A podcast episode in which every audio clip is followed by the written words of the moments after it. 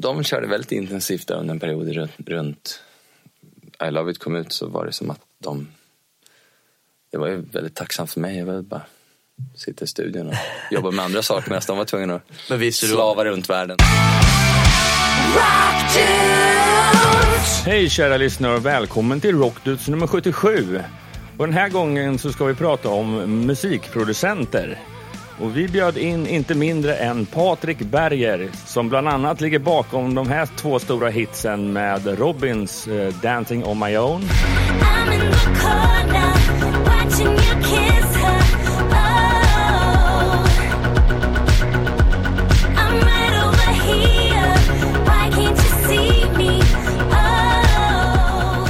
Men även Icona Pops stora hit I love it. I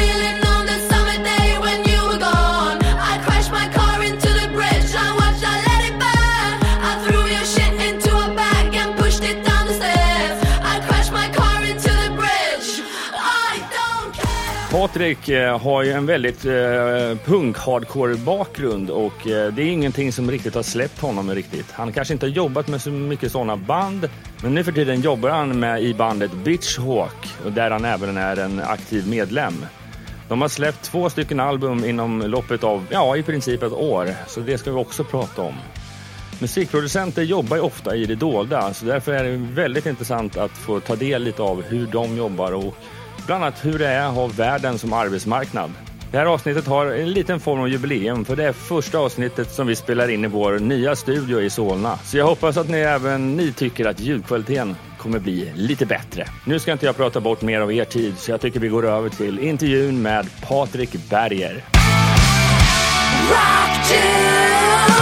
Hej och välkomna till ett nytt avsnitt av Rock Dudes. Och faktiskt idag så sitter vi i nya lokaler, Ömer. Oh ja. Eh, lite trångt kanske? Nej, är det? Så om eh, ni som lyssnar märker att det inte är fullt lika mycket eko som det har varit från den tidigare studion så att säga. Så ja, då är det beroende på att vi sitter inne i, en, i ett gammalt kontrollrum. Äntligen. Det tog bara fyra år va? Ja, fyra år på dagen faktiskt. Finns dock inga lampor än, men eh, det är på väg. Men frågan är hur vi ska mm, inleda den nya eran. Vad tycker du? Vi har en eh, speciell gäst med oss idag. Ja, faktiskt. En smått världskänd person. faktiskt. En musikproducent, låtskrivare. Välkommen till oss Patrik Berger. Tackar. Hur står det till? Jo, det är mycket bra. Det är mycket bra. Bra. rulle? Eh, ja, Eller har du lågsäsong nu inför... Nej, ja, det är faktiskt ganska mycket. Ehm, så att jag, jag, jag håller mig sysselsatt. Skönt. Ja. Vad pysslar du med just nu? Låtskrivare eller producentmässigt?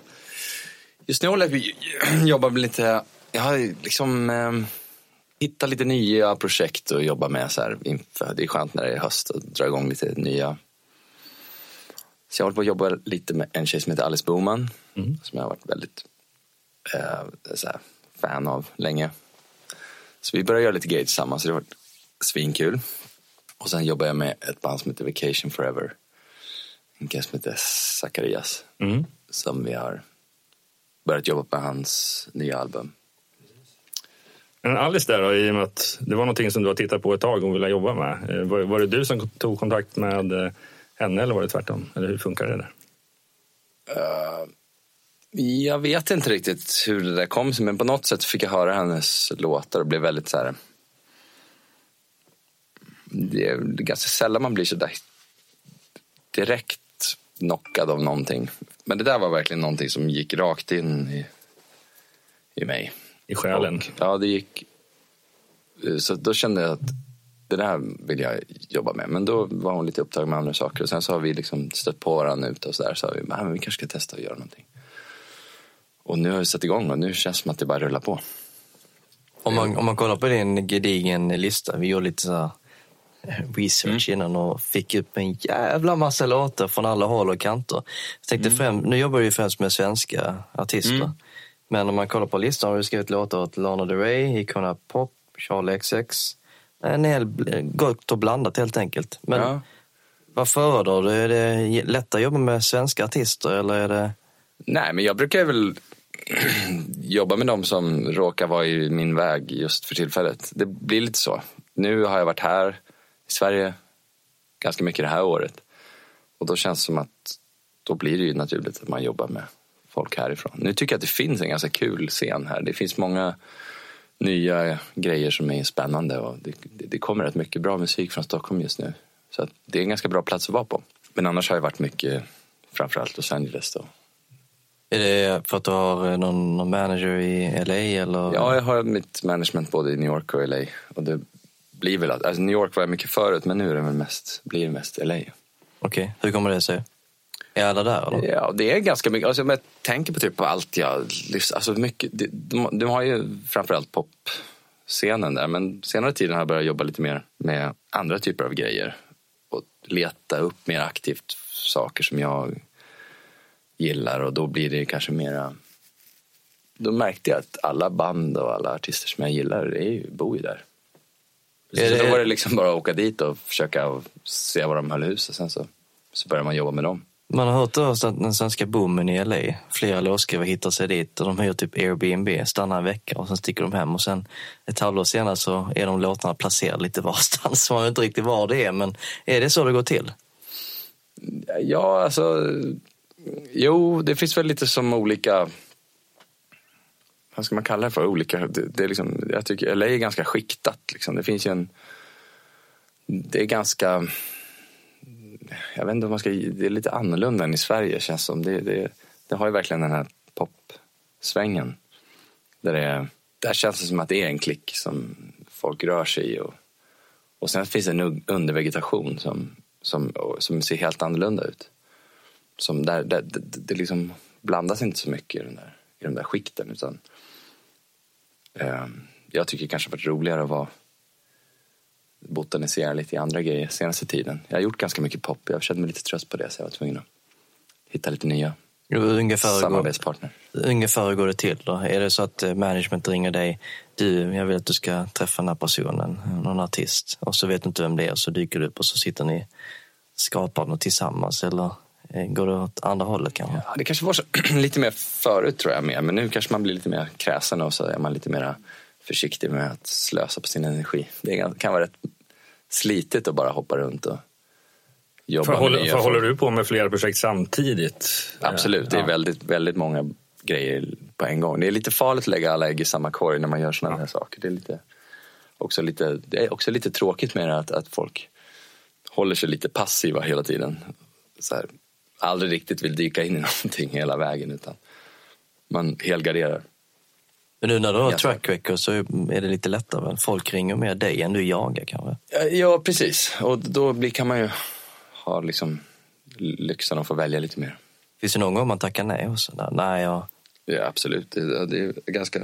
Eller man, är, så fort jag väljer att jobba med någonting som jag har bestämt mig för att göra, då måste jag ju tacka nej till massa andra saker. Och hur lång, om man kollar på tidsperspektiv, hur länge får man det om man så, så om man ska jobba med det? Ja, jag kommer vara borta ett halvår med det här projektet. Existerar det eller är det typ... eh, Jo, det kan, absolut. Jag har gjort ganska mycket mina egna projekt nu senaste tiden. De har inte tvungen att bocka av ganska mycket tid och sacka nej till saker, för nu vill jag göra det här. Och, för dina egna grejer är ju helt komplett annorlunda med det du gör till, till vardags. För du, Ja. du är med i två band. Det ena är Snuff Buddy Yakuza och det andra är Bitch Hawk. Bägge Ja. de är ganska extrema i musik. Jo, alltså jag har ju alltid liksom gillat det där och har ju haft de där grejerna lite i periferin hela tiden. Men senare tiden har jag kanske saknat det mer och varit tvungen att verkligen... Det är väl också lite så att man måste ju göra det, ska man göra det får man göra det ordentligt liksom och då är man tvungen att stänga lite andra kranar. Men, men det, det, det har varit, det känns viktigt att göra de där grejerna för det, det, det känns som att det, jag har saknat lite den typen av musik. Ja, man kan väl säga att du får inspiration i och med att du har jobbat så mycket med i så många år med kanske pop mestadels. Ja. Men eh, är din, eh, skulle du säga att din bakgrund kommer mer från det som du jobbar med nu, lite mera Ja, punk, hardcore? Jo, men det känns väl lite som att man har kommit hem igen. Man har slutit cirkeln på något vis. Alltså det är väl... Man tog en liten omväg via popmuseet, men det var också för att... Jag vet inte, jag tycker det är kul. Det har varit- kul att göra pop också, men, men, men jag har alltid varit lite gnagande. Så här. Jag, jag, alltid varit, på något sätt, jag har aldrig varit någon riktigt popfan egentligen. De flesta som jobbar med popmusik gillar ju popmusik. Men är det inte så lite, är det inte lite, lite svårt för det. hårdrocken hittar sig in till eh, pophörna? Jag tänkte så Max Martin och Kjellback, de är ju hårdrock också och det funkar ju väldigt bra för dem. Jo, precis, men de- det låter inte så jävla hårdrock. nej, nej. Nej. Men Men det, man, det är väl lite som man har läst eller hört någonting just från Max Martin. Han är ju mer, från början så kändes det som att man hittade formen för hur man skulle göra popmusik. Jo, Och sen, man kan väl såklart göra musik till väldigt matematisk också så, såklart. Men någonstans måste du hitta någonting som folk lyssnar på. ja precis. Jag tror att det, det handlar, alltså jag tror att alltså det, är, det är svårt att liksom... Jag, jag tycker att när jag har haft ambition, när min ambition, när jag har jobbat som mest och gjort popmusik så har jag ändå haft ambitionen av att göra någonting som jag själv tycker om. Annars är det ingen idé att göra det. Så att jag, har alltid, jag har inte tyckt det varit jättekul att lyssna på radio. Men jag vill ändå försöka göra de låtarna som jag och mina kompisar kan tycka. Ja men den där var i alla fall okej. Då har jag så här uppfyllt någon slags, något mål. Men, eh, men om man eh, jobbar som, alltså det är många som, som verkligen älskar den musiken som är där. Då är, då är det klart man ska göra det. Precis, du bara fortsätta. Men om vi tittar lite bara på din eh, bakgrund. För du eh, är född i Uppsala, eller du kommer därifrån i alla fall. Eh, hur såg det ut när du växte upp? Fanns musik och så alltid omkring dig även då? Jo, men absolut. Nej, men jag är väl uppfostrad i en musikintresserad familj. Alla mina storebröder har gjort musik och jag har alltid hållit på liksom spelat. Mm. Ehm, startade band liksom, när vi var små. Och så som alla andra människor som gör musik har börjat i en replokalskällare. Precis, men vad var det för musik som... Eller vad, ja, vad Nej, men det var väl typ, vi började väl att spela Ramones covers typ. Det var väl ungefär det, det vi mästrade med. Mm, Det var hyfsat simpelt. precis, tre ackord och... Och det var ju liksom, då fattar man ju att det var ju det som var coolt. Sen har man ju typ inte tröttnat på det sen dess. Nej. det är väl ungefär så. Precis, men eh, när gick du några utbildningar så att säga under, under vägens lopp under tonåren eller efter det? Ja, jag gick ju på eh, en sån eh, musik, Uppsalas eh, musiklinje, mm. Bolandsskolan. Som var en renodlad sån musiklinje. Eller det var väl egentligen en, en vanlig gymnasieskola fast med Estetiska extra- inriktningar så att Exakt, säga. Mm. precis. Fick du lära någonting? Eh, jo, men jag, lärde mig väl en hel del. Det var ju framförallt kul att få... Att man hade så mycket tillgång till... Vi hade ju liksom... Det var så bra fast replokaler där och man träffade en massa folk att spela med. Så man spelade ju hela tiden. Det var ju väldigt så här lyxigt att få, få ha, fylla sin, gymnasietid med så där mycket musik. Liksom. Mm. Men det var där du hittade ditt eh, favoritinstrument. För visst spelar du bas? Nej, jag spelade gitarr då när jag gick i skolan. Det var väl nästan det som, som, jag, som jag började med. Det är den senare tid jag började spela bas med. Ah. Men basen är ett jävla roligt instrument. Hur, hur, hur kommer det sig att man väljer basen framför gitarren? Då? Det brukar alltid vara så här... Gitarristerna kör hellre det än, än Det är basen. någon som blir tvingad att börja spela bas. Ja, men det var bas. ungefär som att jag liksom var tvungen att stå i mål i handboll. Det var ingen annan som ville, som ville ta den rollen. Nej, men det var, det var, bas är ju kul. Det är ett väldigt, det är ett väldigt eh, djupt instrument. Alltså bokstavligen och bildligt. Det är ju väldigt eh, nästan så här, det blir an, speciellt om man om man verkligen snör in på liksom dyka ner i basspelandet så tycker jag att det är en det är väldigt intressant så här, med att som man lyssnar på mycket basdriven musik, reggae och sånt, så, blir det, så kan man sitta och försvinna in i liksom, de otroliga detaljerna som går att få ut av någonting som till början låter väldigt simpelt, som innehåller sånt otroligt. Det är väl Så det som skapar mycket komplext. energi. Precis, tillsammans med trummor så är det det som skapar energi och fundamentet någonstans i Jo, precis. Så det är väldigt kul. Och, ja, men det är ett sjukt kul instrument. Men eh, om jag tänker när du mm, skapar låtar. Börjar du med basen eller har du en keyboard som du först? Idéerna, skissen. Det är nog ganska mycket gitarr faktiskt, bara för att det ligger mig ganska naturligt. Men sen så försöker jag ofta switcha upp med massa instrument som jag inte kan spela, bara för att göra lite mera... Ja, men så man ska inte har så bra koll på vad man pysslar med. Tänker du på så udda instrument eller? Är det... Nej, jag, är jag tänker på vad som helst som egentligen som jag inte behärskar så bra.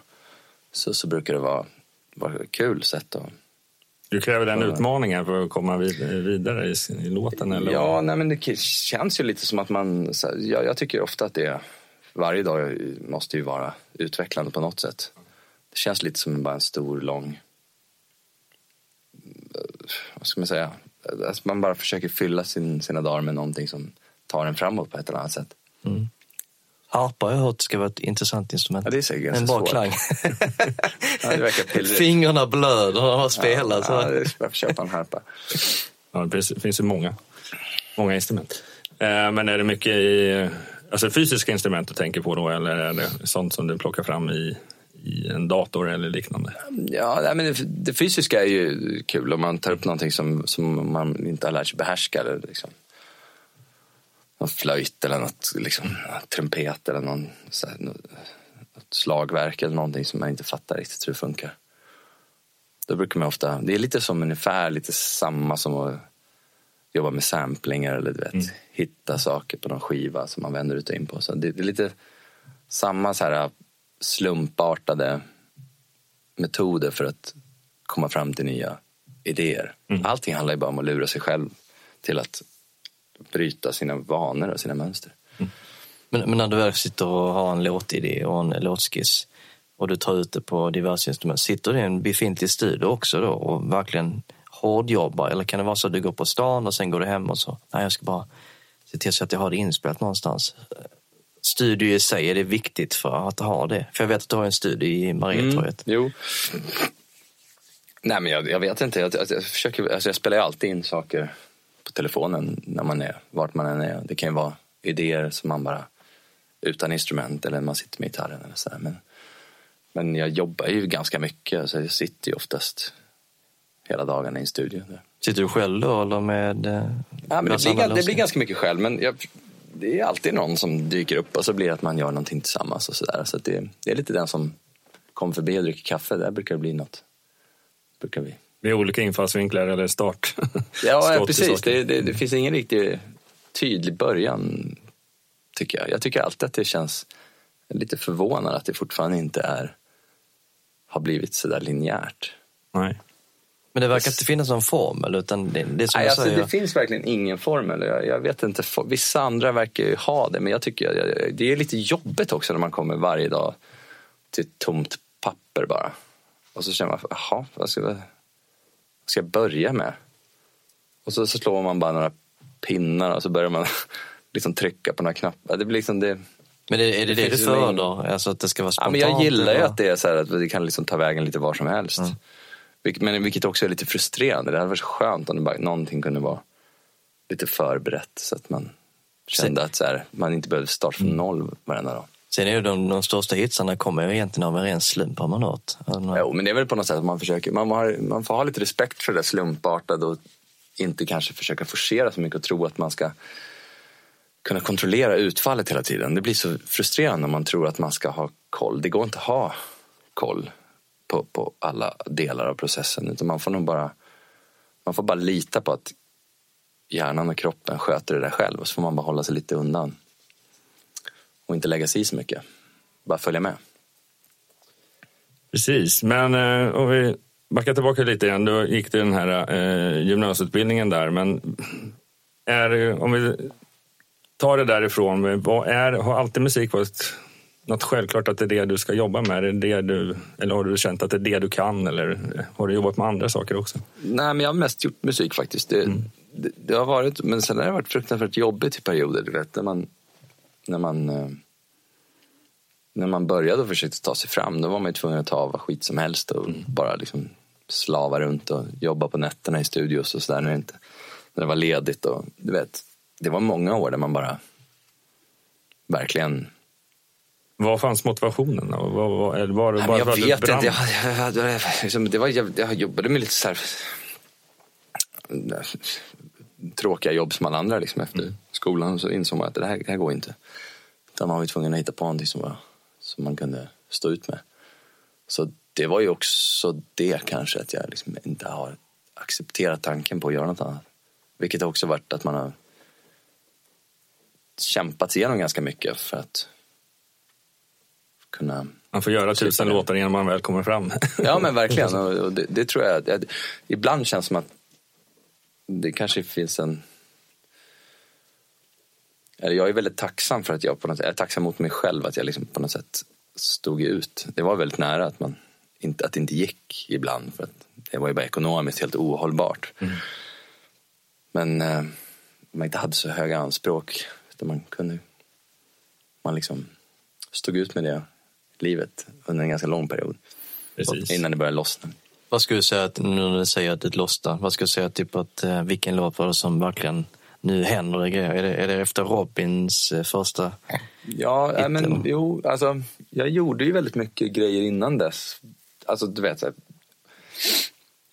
producerade liksom band och sånt bara för att betala hyran och det var ju på något vis, man kunde hålla sig flytande. Men det var väl kanske efter den Robin-grejen som det lossnade mer ordentligt på låtskrivandet och jag började fokusera mer på det.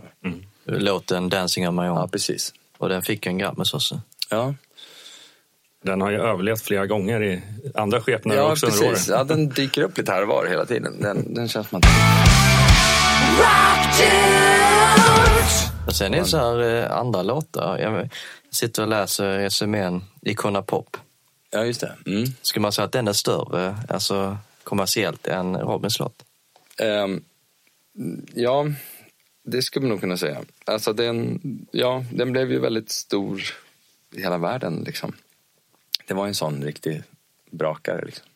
Alltså det är ju hits, bägge är ju hits, men jag tänkte mer typ att det är olika grader av hits. Ja, jag tror att det är lite, de, de jobbar lite på olika sätt kanske. Det, Icona Pop känns som att de turnerar mycket hårdare hela tiden på något sätt. Så att och de, det var ju, de körde väldigt intensivt under en period runt, runt I Love It kom ut så var det som att de... Det var ju väldigt tacksamt för mig. Jag ville bara sitta i studion och jobba med andra saker medan de var tvungna att Men du, slava runt världen. Och, kände du det när eh, du skrev låten? Typ att, visste du Icona Pop var innan? Alltså, de ju inte Jo, jo. Nej, men alltså, vi hade jobbat tidigare. Vi hade gjort massa låtar innan och sådär. Vi hade jobbat med dem tidigare och de hade precis de hade precis blivit droppade av sitt skivbolag och, och så höll jag på att lå- jobba med den låten med, med Charlie. Mm. Så hörde de den och så bara, "Ah, kan inte vi få den här? Och jag bara, ja, okej då. För jag tyckte väl att de var roliga. Jag tänkte väl inte att det där skulle bli något speciellt. Så Charlie eh, ville inte ha låten först Nej, nej, hon ville inte ha den. och sen tog eh, Icona Pop den. Ja. Men sen har du ju faktiskt skrivit låtar åt Charlie därefter va? Ja, jag vet, men vi har skrivit, vi skrev långt, ja vi skrev, det var och för sig den, det var ju den första vi skrev upp. Men sen efter det har vi skrivit massor. Jag har jobbat med den i flera år. Men hon ångrar sig inte alls eller? Nej, jag vet inte, jag vågar inte säga någonting om det. Men, men jag, För den som vet har ju sett kan det. vara, Precis. det kan vara, kan vara eventuellt lite bittert. Men, Ja. Man, såg ju lite på det på den här hitlåtens historia Ja, just på SVT. just det, just det. Men det är lite efterhandskonstruerat också. Ja, det är klart precis. att skulle hon få den är det inte säkert att det hade blivit samma hit ändå. Det Ja. Exakt, det är väldigt, det är väldigt, eh, det är väldigt omöjligt att säga. Jag tror att det, det går inte att liksom se sådär på saker. För det skapar en så stor kontrovers också, liksom, att blanda nästan punk med dansmusik på någonstans. Det blir ju någonting... Den tog Ja. vägen någon helt annanstans kändes det som. Jo, men precis. Och det, det, är väl, det är väl ofta det. Men det är det som är lite irriterande med, med popvärlden. Liksom. Jag hade ju kunnat göra... Alltså, det är så många saker som man har gjort som, som på något sätt... Jag ska inte säga att man har gjort massa såna här låtar som har blivit liggande. Så det, det är väl, vissa, där är ju bara lyckoträffar. Men efter det så var det ju det enda folk ville ha. Ja. Och då var det så här, men nu måste vi hitta på något annat. Vi kan inte göra liksom samma sak igen. Det var ju, när den kom ville ju ingen spela den på radion för de tyckte det lät för konstigt. Och sen så var de ju tvungna att börja spela den för att folk ville höra den. ja, exakt.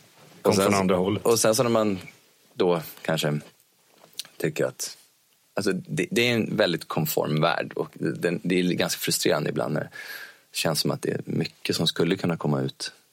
Det är så himla kort, fastnar. så himla kort eh, tidsperspektiv oftast när det gäller pop. Liksom. Jo. Dels att låtar inte överlever särskilt länge, generellt sett. Men sådana här låtar som blir riktiga hits, de kan ju leva nästan hur länge som helst. Ja, Men det, är ju, det kan man ju aldrig säga om på förhand. nej precis. Har du någon låt som du är alltså, väldigt, väldigt stolt över? Alltså, det gäller ju givetvis allt du har skrivit, det är ju typ dina barn alltid, men någon som sticker ut så att det fan det här är... Nej, men jag, nej men alltså jag tycker att, jag tycker att, att, att eh, de här låtarna som, har, som vi har pratat om, de är, de är jag stolt över. Liksom. Jag tycker att de, de, har, de har fyllt en funktion av någonting som jag hade, som jag tycker att popmusik ska ha på något vis. Och då tycker jag att det är väldigt kul när man kan få till det och kommunicera det på ett sätt. När, när det stämmer med ens egna bild av vad man tänker och att det faktiskt fungerar. Den ekvationen är inte alltid enkel att kombinera. Jag får intrycket att du, eh, du vill ha utmaningar. Alltså nu när du gjort Ja. det här soundet, det säger att du vill gå vidare från det och kanske inte nödvändigtvis skriva samma låt under ett visst recept. Ehm, Ja, men det är nog så. Det är nog en drivkraft. Liksom. Jag tröttnar ju väldigt snabbt på saker. Jag är ganska rastlös. Jag vill ju på något sätt... Liksom söker ju hela tiden efter nya grejer. Jag är aldrig nöjd. Liksom. Jag vill ju bara att det ska bli liksom uppdaterat och bättre hela tiden. vad hindrar dig från att skriva en, eh, en hårdrockslåt, metal, till ett eh, stort hårdrocksband? är det någon sån vision du har? Så? Jag vet inte om det, alltså det brukar inte funka riktigt så. De, i, I den metal eh, rockvärlden så brukar det ju sällan vara, alltså det finns ju, alltså på 80-talet var det väl sådär. Kisslåtar? Ja, så. Desmond Child de skrev Ja, de här ja. Def Leppard och Kiss-låtarna. Jag vet inte om de håller på så länge. Det känns Nej. mer som att, Det finns ju Är det vissa, men de gör väl det. Då blir det lite som en idé. Men då är det oftast också kanske inte så här... Ta som ett band som eh, ett amerikanskt band som heter Hailstorm. De Mm. gjorde nog senare, på senaste skivan gjorde de ett olika samarbeten utanför Mm. bandet. Men då var det som en idé att det var det de ville göra för just den plattan. Sen nästa platta igen, då kanske de sitter och skriver allting själv. Så att jag tror att alltså framförallt hårdrock är väl mycket mera kommer från dem själva. Do it yourself. ja men precis, och det, det är lite känsligt. Så jag brukar ju på något sätt ta mig an, om jag, om jag jobbar som producent åt något band. Jag jobbade med ett band som heter Royal Blood, ett engelskt band. Och då slutade det med att vi skrev tillsammans. Men det var kanske inte det från början. Men du vet, det brukar bli så att man börjar jobba tillsammans och sen, sen när man lär känna varandra så brukar det bli så att man Ja men här kan vi ju göra så här och sen så blir det att man helt plötsligt sitter och skriver någonting ihop och då blir det som att det faller sig ganska naturligt. Men jag tror att i, i, i den världen så är det eh, man kanske lite rädd för, med rätta då, att ska komma in någon och klafsa in i ens band och förstöra det man Ja, har byggt upp. Eller, och det är lätt hänt tror jag, så man får vara lite försiktig där. Jag, jag märker det när jag jobbar med band, att det är väldigt så stängt där. Och, och det kan, jag, jag respekterar det väldigt mycket och, och tycker kanske ofta att de har rätt. Sen ibland kan det bli när man börjar hänga, man blir mer som kompisar då efter ett tag. Då sitter man ju bara och hänger och jammar och så, så helt plötsligt har man skrivit en låt och det är ingen som behöver känna att, att det är något märk, märkligt med det. Nej, då är det mer att det uppstår det så uppstår det. Då blir man på något sätt en femte medlem i band. Alltså det blir som att man bara tillför saker till hela grejen. Så att, Kä- Känns det mer så när det är ett gitarrband eller de pratar typ eh, popband, eh, om man jämför det här, att det är mer som en sluten grupp, att man ska komma in som kompisgren om man vill faktiskt ha låtar, jobba med dem på det sättet. Men jag tror att det, det sitter väl i konstruktionen lite grann. Popartister brukar ju oftast vara en artist.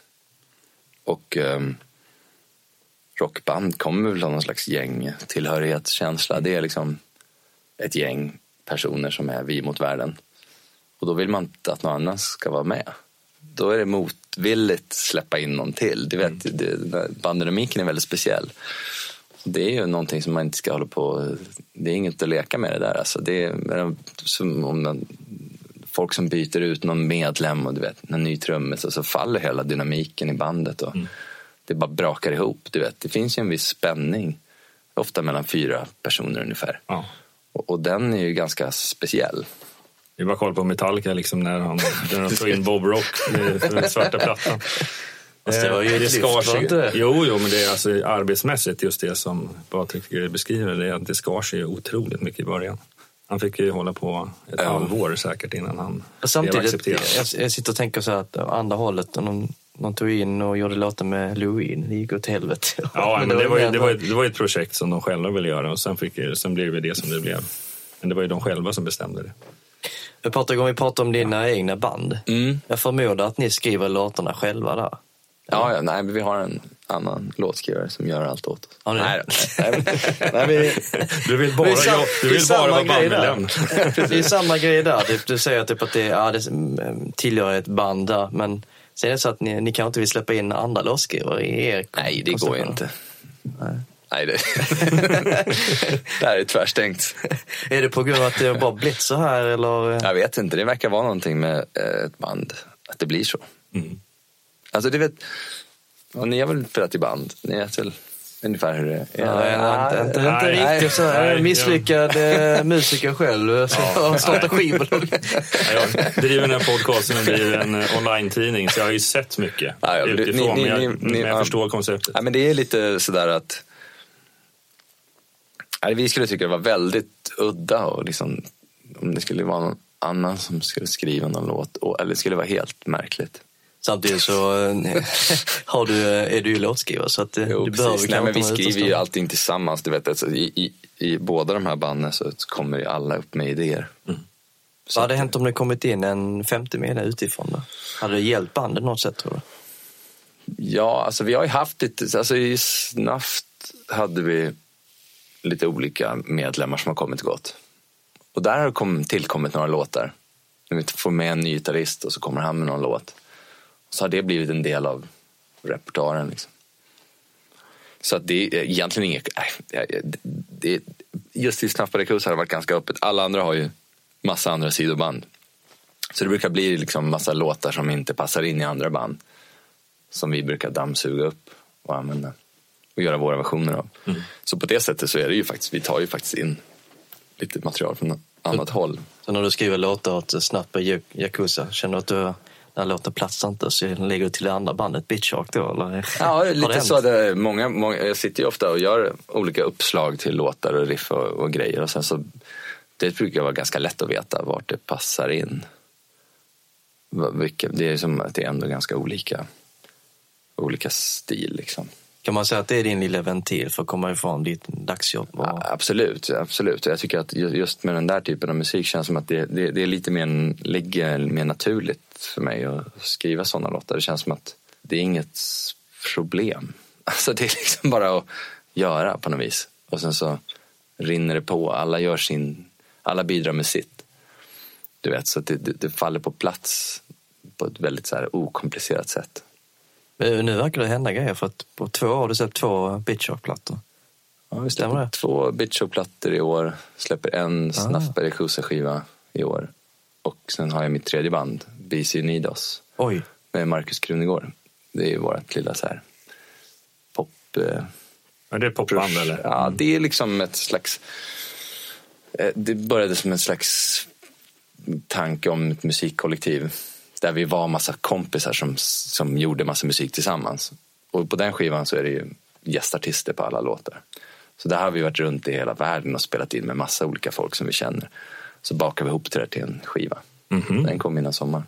hur hinner du med allting då? Du har ju typ tre band plus egna låtskrivarkarriären. Ja, alltså jag, jag vet inte. Jag tycker att jag har haft paus ett år. Jag vet inte hur det blev så att jag släppte fyra skivor. Men, men jag känns inte som att jag har jobbat. Nej. För jag har bara gjort mina egna projekt. Ja, just det. Så då har det varit liksom, men sen har jag faktiskt jobbat, jag, jobbat, jag jobbade en hel del i våras med massa andra saker och pop och skrev och sådär. Men det, på något sätt så kändes det väldigt, alltså det är nog för att jag har släppt den här absoluta pop-grejen lite grann. Som det börjar kännas riktigt kul nu. Det låter nog som att jag är ganska trött på pop och det kan nog stämma ganska bra. Men det är- Men nu börjar jag bli lite sugen igen. Ja. För nu har jag gjort det här. Och nu vill jag ha något annat.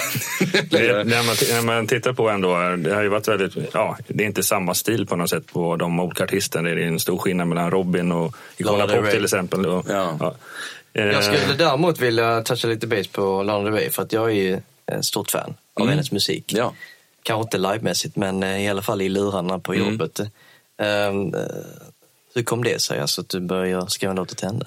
Har du träffat henne? Eller? Ja, ja, vi jobbade i Stockholm hos mig. Det var så, hon var i Sverige och någon sa att ni borde träffas. Och så träffade jag henne och vi satt i studion och hon spelade upp massor med demos på massa låtar och jag var helt knockad. Jag var så här, alltså vad är det här? Varför är, det liksom, varför är inte det här? Det här är ju helt fantastiskt. Och då pratade jag med massa andra folk så här, i branschen i Sverige och alla var så här, men skit i det där. Det där är ett dödfött projekt. Hon har hållit på hur länge som helst. kommer aldrig bli något. Och jag bara, men ni, ni är ju galna. Det här är helt fantastiskt. Hon var ju så otroligt talangfull låtskrivare, vet, massa coola idéer och hur mycket bra som helst. Så vi började jobba på en gång och jag tyckte hon var helt grym. Så jag liksom började bara göra allt som jobba med hennes demos och försökte liksom bygga upp någonting. Och sen efter det så fick hon den här jättehitten med Summertime Sad. Nej, nej vilken var det? Ehm, TV Games, eller Video Games. Och då blev det ju bara som att det exploderade och hela världen fick någon slags psykos. Och då var det rätt svårt att få tag på henne helt plötsligt. Så då hade vi liksom börjat och sen så kändes det som att hela världen ville jobba med henne. Så att då, men jag liksom, eh, ja, vi, vi höll fortfarande kvar vid det vi hade påbörjat. Men, men var, jag hade gärna velat gjort mer, men hon hittade ju sina samarbetspartner med Emil Heine och de gjorde ju en fantastisk skiva. Så jag, jag liksom, men ehm, Du breddade Det- vägen det- för henne i alla fall kan man säga. Alltså det, nej, det var, det var inte min förtjänst att Nej, nej, det gick nej, så bra men- för henne. Men, men det känns som att det var, ändå, det, var, det var ändå kul att vara med precis i början när det, när det var eh, i startgroparna. Liksom, sådär. Hur mycket det, det sånt var, är timing och tur då? ja, men Det är allt skulle jag säga. Och jag menar den där låten, så hon fick den där jättehitten. Det var ju som en, en låt hon hade gjort med två killar i New York tror jag. Eh, där, där eh, alltså när, när den tog skruv, det var ingen som visste hur de skulle bete sig riktigt. Det var så där, det blev så där rörigt och hon bara fick en jättehit och det fanns liksom ingen, ingen ordning kring det. Liksom. Så att det är ju bara, allt kan ju hända hur som helst. Det finns ju ingen regel riktigt. Hur många sådana artister är det som kommer till dig? Där, jag antar att du är mer öppen nu än någonsin för att det kan vara nästa stora artist. Du vet Absolut. inte, ja, men jag bara testar lite grann. Ja, men man får ju vara öppen. Man får, och där tror jag också så här, det går inte, du vet, jag får ju ganska mycket så här. Ja, det här, de är superhypade liksom. Alla tycker att de här är hur coola som helst. Och då kan man bli lite så här, ja, kanske, det här kanske jag borde göra för att annars kanske jag missar nästa Har du något grej. exempel som du kan eh, nämna så här? Tacka det som Som jag, attans. som jag tackar nej till? Ja, som du kände att typ, ah, jag skulle nog ha, ha på den här Nej, men tåget. vet du faktiskt inte riktigt. Det kanske låter lite självgod. Men jag, men, men jag brukar oftast verkligen följa min gut feeling när det kommer till de här besluten. För även fast det är något, om jag känner så här, nej men jag fattar inte riktigt den här grejen, jag tycker inte att det är så bra. Och även fast det blir jättestort sen. Det var inte rätt för dig att göra det. Nej, men jag, jag, hade ju, jag började jobba med hon, eh, nej skit i det, jag behöver inte nämna någon namn. Men hur som helst. jag menar bara att ibland så blir det ju saker som jag tagit nej till som blev jättestora. Men det spelar liksom ingen roll, för det hade inte blivit så stort om jag hade gjort det. För då hade jag inte gjort ett bra jobb. Ja, Förstår ni vad jag menar? Ja, ja men det gäller Så- så- så- rätt person på rätt plats. Nej, men exakt. exakt. Så jag, jag tycker liksom, och precis sådana grejer som, typ, som de projekten jag, jag verkligen väljer nu och gör så försöker jag tänka, jag försöker inte tänka så mycket på vad andra människor säger runt omkring. Men de projekten jag har gjort, det var ingen som trodde på dem heller då när de kom ut och så funkar det. Och så, då, då blir det som att här, då får jag lita på min känsla av att om jag verkligen tror på det här, då, då är det någonting som Ja, du har ju varit med ett funka. bra tag och har gjort de besluten ett antal gånger. Jo, men den, den där, den är ju, den, den, den känslan, den skillen är, går ju lite upp och ner. Man, ibland tappar man ju sin, sin kontakt med sig själv och sina känslor på det sättet och blir lite, liksom, börjar bli lite mer kalkylerande. Och då är man lite ute, då börjar kompassnålen snurra lite.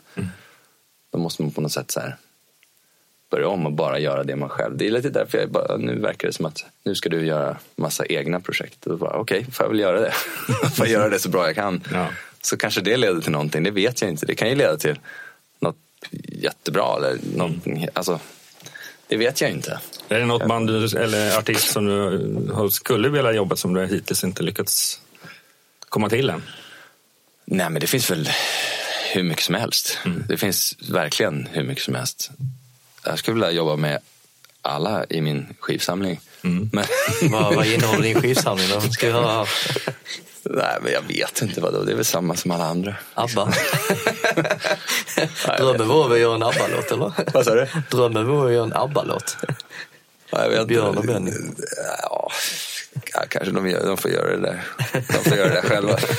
Du är lite blygsam. Plocka fram någonting ur skivbacken som du känner att det det här skulle jag jättegärna vilja göra någonting.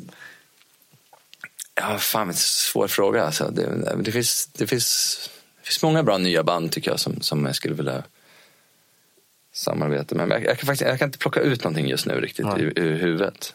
Men jag letar ju oftast efter någonting som, är, som inte finns än. Jag letar ju oftast efter artister och band och grejer som, som inte har hänt. Riktigt hittar du ny musik då? Sitter du och kollar på, Jag letar väldigt mycket. Jag är ganska aktiv på nätet eller? Ja, jag dammsuger nätet varje dag liksom, efter grejer. Så jag är väldigt intresserad av ny musik så här, och, och verkligen läser mycket bloggar och, och bara tröskar igenom otroligt mycket musik. Jag har själv, eh, i och med att jag driver skivbolag, upptäckt att eh, Bandcamp det finns hur mycket som helst. Om man bara verkligen letar så kan man hitta det här nya senaste. Framförallt inom rocken och metallen. Men det finns kanske liknande sidor för popmusik tänker jag. Då. Ja, absolut. Jag tycker, jag tycker, jag tycker Bandcamp är, är fantastiskt. Det är liksom de flesta bloggarna så som jag intresserar mig för, de länkar ofta bara till Bandcamp. De finns ingen annanstans. Det är som Alltså- ett eget community i sig. Ja, men det är, det är en viss, de har verkligen lyckats med den där communitykänslan tycker jag. Det är mycket så här, man ser fansen och går man in på dem och så, så kan man verkligen trassla bort sig för timmar. Lite Där. tillbaka till Ja MySpace-tiden men kanske. faktiskt. Mm. Det- den popmotsvarigheten är väl Soundcloud och den tycker jag är mycket stökigare och mer Men där kanske du använder mer för att eh, visa upp låtarna och skicka runt? Eller Nej, jag har det liksom aldrig lyckats fatta hur det funkar. Jag tycker det verkar eh, krångligt. Det funkar aldrig på telefonen. Jag vill inte ha det där. Ändå är det ett stort community för dansmusik. Så folk Absolut. Nej, men det är verkligen, det är, det är verkligen den, den, har, den verkar ha sin genre. Det är mer pop och dans och elektronisk musik. Bandcamp är verkligen så här, punk och hardcore. och Liksom, den här mer band. Det, det har man nästan på namn. Ja. Men vad är det som eh, personligen, nu pratar vi eh, bortsett från eh, låtskrivandet, så vad personligen tycker du är bra just nu som du lyssnar på? Fan, det här är svinbra musik som är för din egen skull. Att du, Nej, men nu lyssnar jag typ bara på... Nu, nu är jag inne i en ganska djup liksom, kängpunkperiod. Hur kommer det sig? För att det är kallt ute och vintern Ja, kommer? inte, det har blivit så liksom. Jag, det, det är väldigt... ehm, Det är ganska, jag bara lyssnar på liksom brittisk och mycket spansk sån här Jaha. käng. Det är, det är ganska kul tycker jag. Hur hittar liksom- man spansk eh, kängpunk? Det kan ju inte vara stor genre i sig. Nej, men Spanien är en ganska vital scen faktiskt. Det finns rätt mycket bra där. där, där det, det är ganska... Åker du runt och kollar på mycket musik livemässigt? Alltså jag önskar att jag gjorde mer. Jag, jag har faktiskt inte riktigt haft tid. Men jag, jag, det saknar jag faktiskt också i mitt liv lite grann. Och få verkligen hinna. Antingen spelar man eller så, så sitter man och jobbar eller så är man hemma. Så att, eh, jag skulle verkligen vilja ut och kolla på mer. Och så å andra sidan spelar du mer än någonsin nu med banden. Nu. Jo, precis. Man får ju se lite grann när man är ute och spelar. Så här. får man spela med lite andra band och ut och fara lite. Har du varit utomlands med någon av banden innan? Då? Ja, vi åkte runt och spelade en del med, med Snuffberry-kossa. Men Bitch Rock har vi inte liksom riktigt, ja, har vi inte riktigt spelat kanske så mycket än. Vi har mest fokuserat på att få klart de här skivorna. Så det känns som nästa steg verkligen ut och spela runt med det. Det kommer lite spelningar har jag sett. Jo, vi spelar lite grann. Vi, vi, vi spelar, eh, om några veckor kör vi en releasefest. I Uppsala och Stockholm. Andra och tredje november kör vi. Varför just Uppsala? Är det för att eh, det var lättare eftersom du kommer därifrån? Eller? Nej, men vi, spelar, vi, vi gör en dubbelrelease med ett annat band. Med trummisen från Snuffberry Kosa. Han har ett band som heter Härdsmälta. Okej. Som, eh, Det jävligt bra namn det. Ja, de är, de är riktigt bra. Det är så här industri, steampunk-aktig grej liksom. Så att de, eh, vi kör, de släpper också platta. Så då kör vi tillsammans med dem i Uppsala på, ställ, på ett ställe som heter Kulturhuset Femman på fredagen och sen så kör vi på Bar Brook- Brooklyn, Debaser strand, på lördagen. Det är ändå ganska små ställen. Men om man tänker så här Ja. lite längre fram. Vad är målet? Är det mer att du ska ha det som en ventil? Eller vill att det ska ta sig så stort som möjligt? För det finns ju begränsningar i och med att det är ganska hård musik. Ja, alltså... mm, mm, Jag vet inte riktigt. Jag, jag, jag brukar inte tänka så mycket så att man har någon speciell målbild. Det får liksom bli det det blir. Blir det så att vi spelar mer så är det väl det vi gör då. Men, Lyckas du men- bolla med andra banden ändå? Alltså, det krockar aldrig Nej, men jag tror inte att det liksom behöver krocka så mycket. Jag tror att man, man tar väl det som det som, De det som det börjar som gå bäst för. Det får man väl, då får man väl ta det och tacka Startar nej till de andra. fjärde, startar ett fjärde band Jag har du- faktiskt ett fjärde på gång. Men Har du också? det får jag ligga lågt med ett tag. Det får jag inte säga- det till de andra i bandet. Oj då. Är det också inom eh, det tyngre artilleriet eller? Nej, det är, det är mer um, det är mer instrumentalt. Så det, är, det är något annat. Det är något helt annat. Jaha. Oj, ja, det är Det är spännande. Precis, men eh, har du skriver mycket popmusik och har ett hjärta för hardcore, punk och så vidare. Eh, har du även skrivit musik i andra format? Filmmusik och liknande eh, grejer? Nej, filmmusik jag har, det är liksom blind fläck. Det, det verkar så himla avancerat. Eh, Jag har, liksom- jag har liksom inte... Jag är liksom för rastlös. Det ska vara jävligt kul att prova på. Jag har gjort reklamfilmmusik en hel del, men det är ju fortfarande bara en minut. Ja, exakt. Och liksom förhållandevis simpelt. Inte två timmar. Nej, det, det, liksom, det, det är för stora sjok att hålla reda på. Jag blir helt nervös av bara tanken. Och, Så att folk- det är ungefär som att tänka så här konceptalbum eller, eller eh, liksom, sådana här stora penseldrag. Det, det, det, det kan inte jag få in i min lilla hjärna. Jag kan göra väldigt så här, korta, små, intensiva insatser här och var. Max tre, fyra minuter. Ja, precis. Fast du gör ju det bra å andra sidan. Men jag får intrycket att typ enkelheten och stämningen är betydligt viktigare än typ att det ska vara en viss formel kanske, eller? Ja, jag tror, jag, precis. Jag, jag, jag, jag försöker att... Jag, jag, det kanske är lite så här... Man, blir, man får lite, kanske lite tunnelseende när man hoppar in och ut ur saker. Man går väldigt intensivt djupt in i en sak.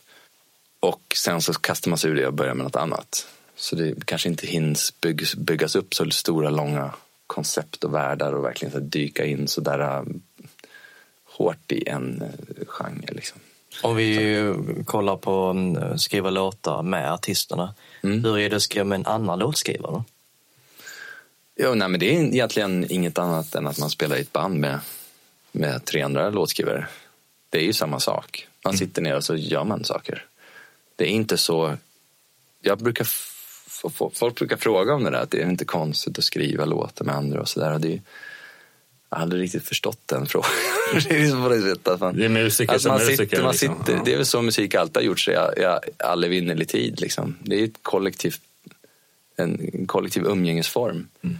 Det är egentligen konstigt att man sitter själv och gör musik.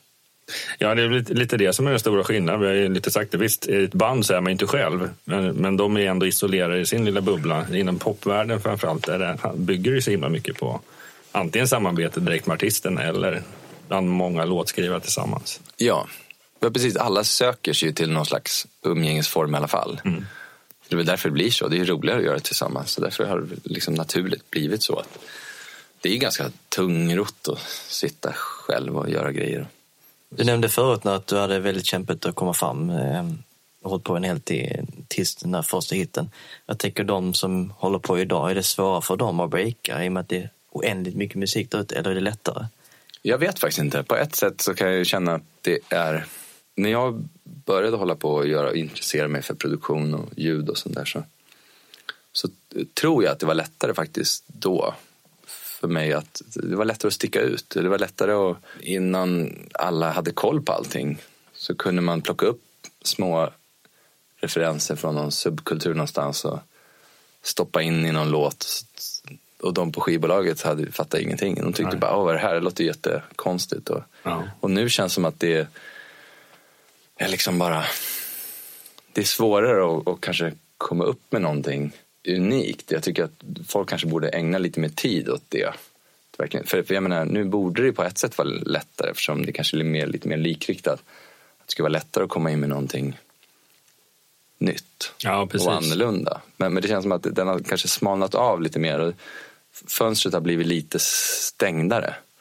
Man förlitar sig mer på den här klicken människor, som, om man nu kallar det för låtskrivare ja, alltså, jag vet, och Det finns ju fler som håller på, så på ett sätt så borde det ju vara... Jag, jag, vet inte, jag tycker det är ganska förvirrande. Jag, jag har liksom ingen riktigt bra svar på det. Det är så svårt att jämföra med någonting.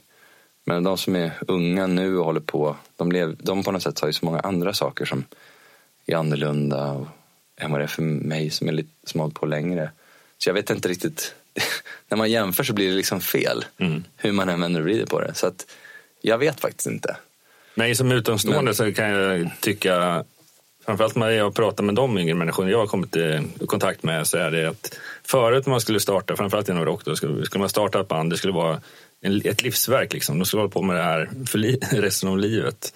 Idag är det lite mer som att man kan göra en karriär inom musik, men det är inte nödvänd, nödvändigtvis så att det här ska jag göra ända fram till jag dör. Ehm, vi säger att man har andra visioner av vad man vill göra i livet än bara en, en enda, ett enda spår. Så att säga. Det, det kan nog kanske vara lite skillnad. Jag har väl alltid på något vis tänkt på att så här, musik har alltid känts så viktigt för mig så att det har nästan varit, det har liksom inte funnits så mycket plats för andra saker. Nej. Eh, Det är väl mest på senare tid man börjar intressera sig för andra saker också. Men, men, eh, men jag märker ju också det folk som jag pratar med som, som är lite yngre, som är mycket mera musik kanske är mera en del av en större pamflett, liksom, av, av, av, en palett av, av um, saker man kan pyssla med. Ett konstnärligt uttryck till exempel kan vara lite vad som helst och att musik kanske är en del av det. Vilket jag också kan bli lite så här, eh, jag tycker det är kul för att då blir det kanske, det kanske blir också lite bättre av det. Att, att, att det kanske är uttrycket i sig som är viktigt. Och Om man blir för insnöad på bara musiken då kanske man egentligen kan det är kanske nästan svårare att veta vad det egentligen man vill uttrycka till slut. Ja, precis. Om det är uttrycksformen som är den viktiga, kanske lättare att sätta ton på det. Liksom. Att, eh, Precis, för att vad, vilka av alla delar du har jobbat med, finns det någonting som är någon form av tomgångsgrej? Liksom? Du snackade om i början, där bara för att få ihop till hyran så ja, producerare och andra band eller artister och kanske inte skrev så mycket eh, till dem då. Men eh, ett sånt typ av arbete lite mera, det kan du göra med ena handen samtidigt som du... eller det prö- kanske inte krävs lika kreativt, tänker jag. På samma sätt. Eh, alltså, jag tror inte det handlar riktigt om det. Det finns ju... Eh, det tar, det tar inte bort det bra, det bra jobbet man gör oavsett det. Liksom. Men så kan man, jag som jobbar med till vardags med ett helt vanligt jobb inom IT-branschen. Liksom, där är det klart att många moment som jag gör, Mm. det behöver inte jag tänka så mycket på vad jag gör utan att jag gör det bra. Men jag Nej, precis. Jag, jag, vet inte, jag vet inte om det riktigt går att jämföra kanske Nej. så. Jag tror inte att det... Det finns ju massa tråkiga moment såklart som måste göras. Svara på mail. Ja. Är det, Alltså- är det tråkigaste biten efter man har gjort en låt? Typ, var den hamnar eller all business-skit? Så. Ja, men det är ju fruktansvärt. Men det får man ju på något sätt hacka i sig. Liksom. Och det är också som, ja, men som man tänker att man... När man gör hela den biten så blir man så irriterad på att det står i vägen för att nu har jag inte tid att jobba idag för jag var tvungen att göra en massa mail. Och då är det så här, ja men det är väl det som brukar vara det som kallas för jobb. ja, exakt. att svara på mail och sådana saker. Så då får man skärpa sig lite grann och tänka att så här, ja, ja, men det, ju, det här är ju ändå någonting som måste göras. Ja. Och resten är ju typ egentligen lek. Ja. ja, just det. Precis. Så att man blir lite så här, man, får, man, är, man blir lite bortskämd om man hela tiden tror att det ska bara vara svinkul hela tiden och det måste vara så total frihet och lajbans liksom. Någon annan tar hand om det där skitgöret. Det är det manager som gör det åt Ja men precis, men det, det enda som händer när man har ett management är att man får dubbelt så mycket mail. Får man det? Då får man bara, de frågar en massa saker hela tiden. Ja, för de ställer ju frågor om allting Exakt, istället. så då var, kan ta ställning till det här och det här och det här. Hur mycket tid ska man säga typ, att man lägger på skaparna av låten och businessbiten? Är det typ jämnt fördelat? 50-50? Nej, det hoppas jag verkligen inte att det är. Okej. Men det kanske det borde vara. Det kanske Ja, skulle gå men bättre. i din värld, Det kanske skulle hur- gå ser det bättre. ut? Jag tror att alla har nog hittat en lösning på det där Ja. själva. Jag skulle nog säga att det skulle nog kanske vara, om man skulle vara lite bättre på den här businessbiten så kanske det skulle vara bra. Men jag Men- skulle kanske ändå rekommendera folk att fokusera på musiken istället. Ja, för det det där- primära det allt. andra komma, det får komma sen. Det kommer ju komma vare sig man vill eller inte ändå. Jag kan ändå se att det är ganska många som fokuserar på själva businessen i första hand och Mm. musiken i andra hand. Det tycker jag verkar vara en tråkig inställning. Men du, du säger att du har två managers, en i New York och en i LA, eller är det en som Ja, företräder det, bägge? det, är sam, det är samma, de har lite kontor på olika Ah, okej. ställen. Det är ett ganska stort management. Men det är ingenting som du funderar på här på hemmaplan då? eh, för att avlasta dig lite grann? Jo, men det finns, eh, det finns lite planer på att ha kanske samarbeten här och så där. Men jag har inte riktigt hittat något sätt att göra det på. Jag också lite så här, när, man, när man jobbar så blir man också lite... Det är, det är svårt att delegera. Det, det, är väldigt svårt att hitta någon del av arbetet som man kan lägga ut. Det blir ofta att man har fingrarna överallt ändå. Så det är rätt, det är rätt svårt att ja, hitta någon som kan avlasta en och så där. Det, det, det är knepigt. Det tror jag också är en, Det finns många som är bättre kanske på det än vad man själv har. lite- Kanske lite för stora kontrollbehov. Om vi pratar uh, låtar nu som är eh, fokus. Em, finns det låtar som du skrivit långt, långt början i, när du började då? Men som du kände inte höll måttet och du har ju givetvis utvecklat dig själv nu. Men att du plockar fram någon låt och om lite grann. Händer det eller är det helt skapande ny process framöver? Nej, men jag tycker det är bra. Alltså, jag tycker det är bra att gå igenom. När jag är lite oinspirerad ibland, då kan man hitta någon gammal avlagd telefon och ladda upp. Och så brukar det ligga massa telefonmemos där. Och då kan man liksom scanna igenom det. Och ofta så brukar jag ju namnge dem när det är något vettigt. Så det är bara att scrolla tills man hittar något som heter någonting. Är det, är det, döper är dem det- efter namn då? Eller Jag döper dem efter att det kanske är något arbetsnamn. Okej. Gitarrfigur Ett. B. ja, det där är nästa Icona Pop-hit. Nej, men alltså, det är så lustigt för att det som är så bra med det, det är att när man är inne i så kreativa flöden, då kommer det väldigt mycket musik. Och när man håller på med någonting så, man är mitt uppe i något projekt och så kommer det upp en låtidé och så spelar man in den och sen så bara, ah, fast det passar inte till det här. Men det kanske var en jättebra idé, men den passade inte in just det. Och sen när man går tillbaka och lyssnar på det så kan man plocka upp dem och bara, men det här, det här, är ju, det här var jättebra, det här kan jag bygga vidare på. Så på det sättet så är det ganska, och hade man varit lite bättre organiserad så hade man kunnat kategorisera allt det där och gjort helt, haft en jättebank med Och så kanske bra gamla demo. Det kan idéer. vara charmigt också att se att man har ändå lite så här huller om buller och att det blir ju i slutändan. Jo precis, det är ofta man liksom ramlar över någonting, man sitter och bara lajar runt i telefonen så hittar man så någon, någon app på någon telefon och oj, där hade man en liten låtidé i någon liten konstig liksom, app och så var det en, så blir det en låt. Och så. Det är kul med sådana där små appar, man kan hitta på väldigt mycket roligt med dem. Och var det någon specifik app du eh, alltid använder som du Nej, men Garageband är bra på telefonen. Det, Och vi som inte bra, bra tips. kan om, någonting om appar på det? Vad, vad gör den appen? Är det, Ja, det är som ett litet musikprogram. Det är väldigt simpelt. Jag tror att det är gratis. Och där, den har ju allting du behöver. Ja, det var ett jättebra tips. Det är precis vad det låter, en garageband. Ah, Precis. ja. Perfekt. Ja, men det, det, är faktiskt, det, det går att göra fantastiska saker. Det finns, ett, det, det finns, nå- det finns massa andra. Det finns mycket barnappar som också är skitbra. Liksom. Så här bara man sitter och bara kladdar och så blir det saker.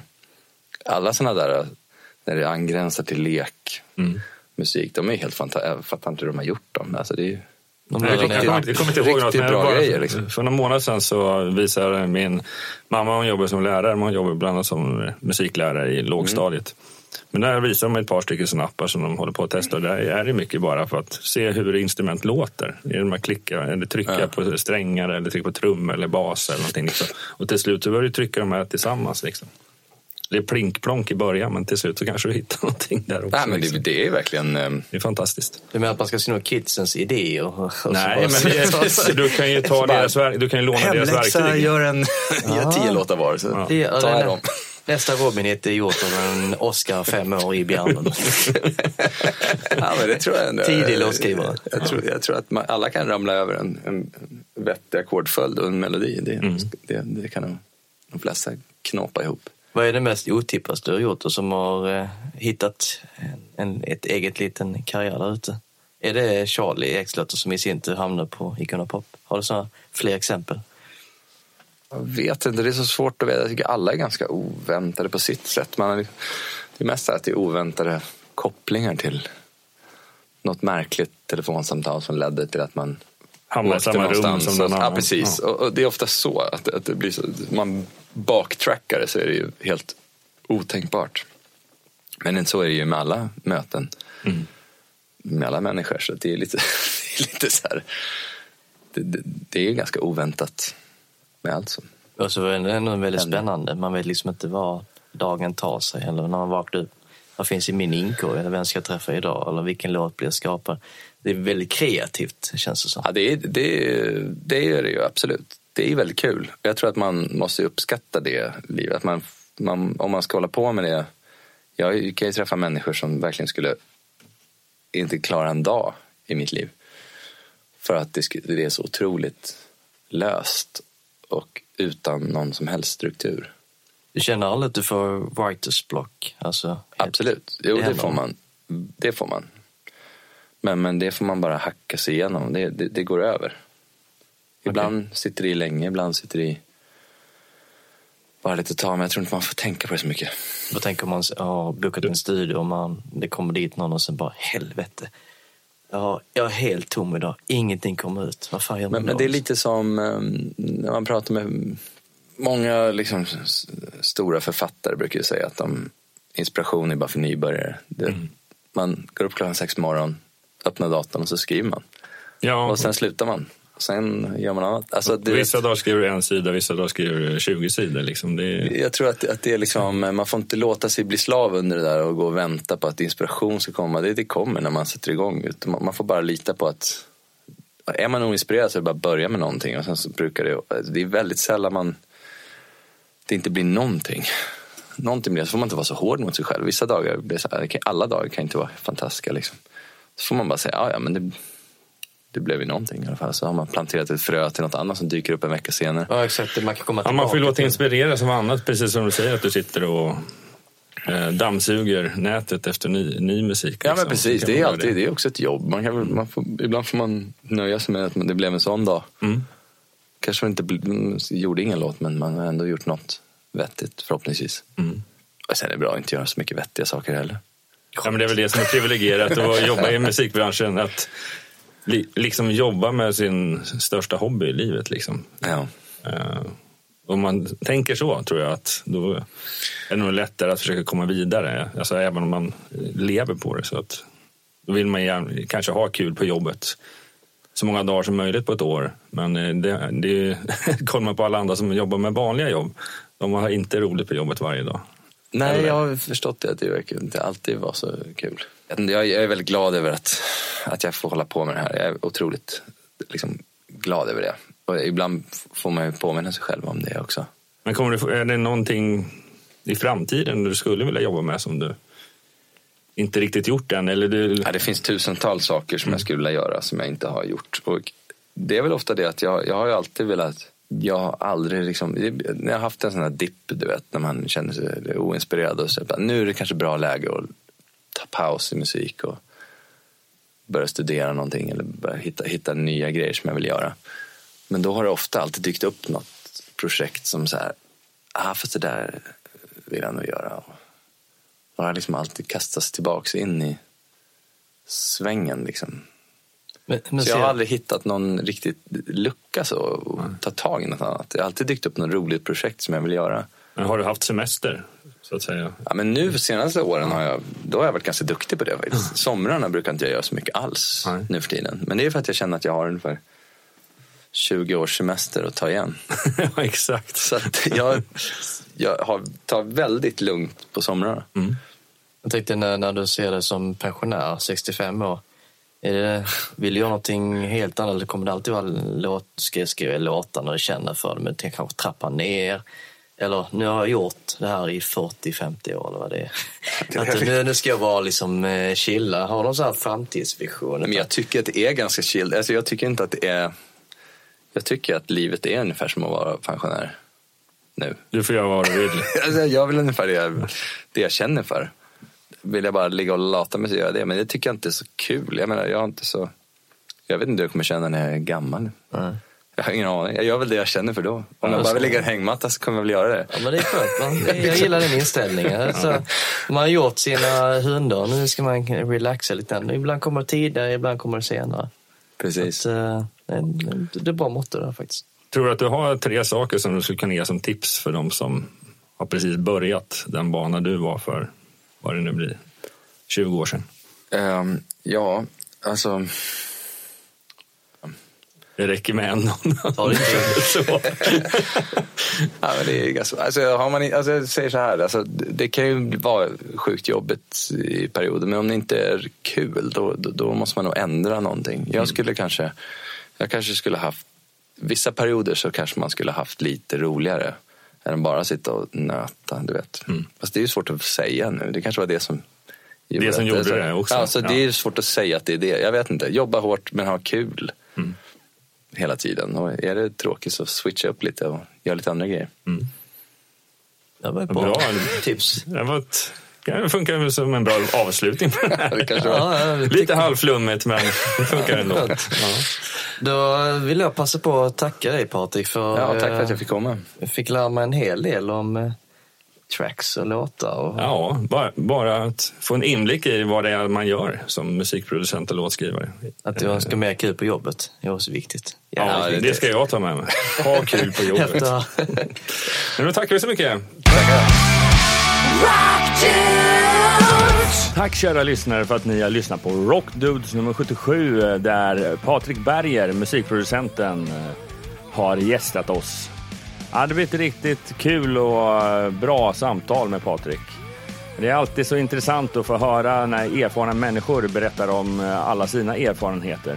Eller hur? Ni vet väl att ni kan besöka oss på Facebook, Instagram, Youtube och Twitter. Sök på Rockduspodden. Gå gärna in på vår Facebook-sida och recensera oss eller skriv en kommentar vad ni tycker om just det här avsnittet eller vad ni tycker om vår podcast. Vi vill gärna få in mer tips ifrån er om vilka gäster ni vill ha med i framtida avsnitt av Rockdudes. Gingen är inspelad av eh, Peter Månsson, Jonas Hermansson och Mia Coldheart. Avsnittet spelades in och redigerades av Jonas Löv. Nästa avsnitt, Rockdudes 78, kommer inom ett par veckor. Och vilken gästen blir där? Ja, följ oss på sociala medier så kommer ni hålla koll på det. Fram tills dess, rock on! Rock tunes!